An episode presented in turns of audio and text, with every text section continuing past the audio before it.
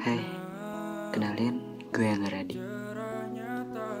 Kali ini sama seperti kemarin, gabut dan gak ada teman cerita. Jadi gue mau cerita di sini aja. Entah ada yang dengerin atau enggak.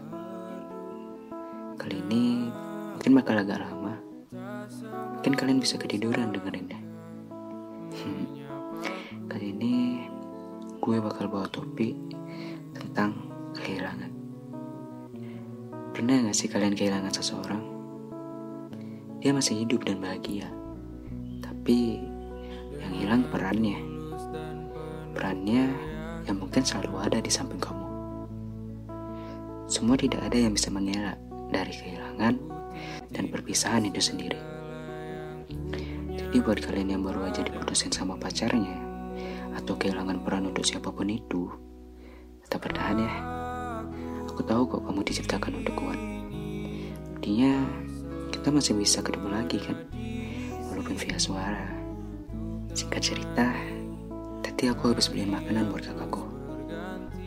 Aku kembali lewati jalan yang sudah lama aku gak lewati. Jalan itu, jalan yang pernah membuat aku merasa mempunyai seseorang.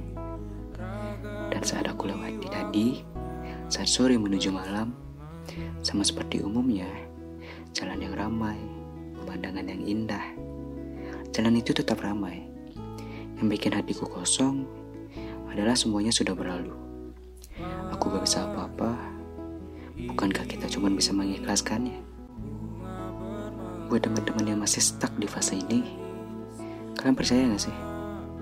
Konsep bahwa yang kita perlukan hanya membuka diri dan bangkit dari masa lalu yang mungkin memang bikin kita buat gak bisa ninggalin. Indah banget kenangannya, baik banget perawakannya, susah buat gantiin dia. Gak ada yang sama sekali bisa gantiin dia. Aku pengennya cuma dia, aku maunya cuma dia. Hmm. Egois. Gak apa, aku sering kok berpikir kayak gitu. Dan sekarang aku sadar siapa kita. Kita gak punya hak apa-apa untuk memaksakan seseorang melekat dan tinggal sama kita. Seperti yang kita tahu, semua yang di bumi hanyalah titipannya. Dan kita gak bisa ganggu gugat keputusannya. Yang bisa kita lakukan cuman menerima dan melaluinya.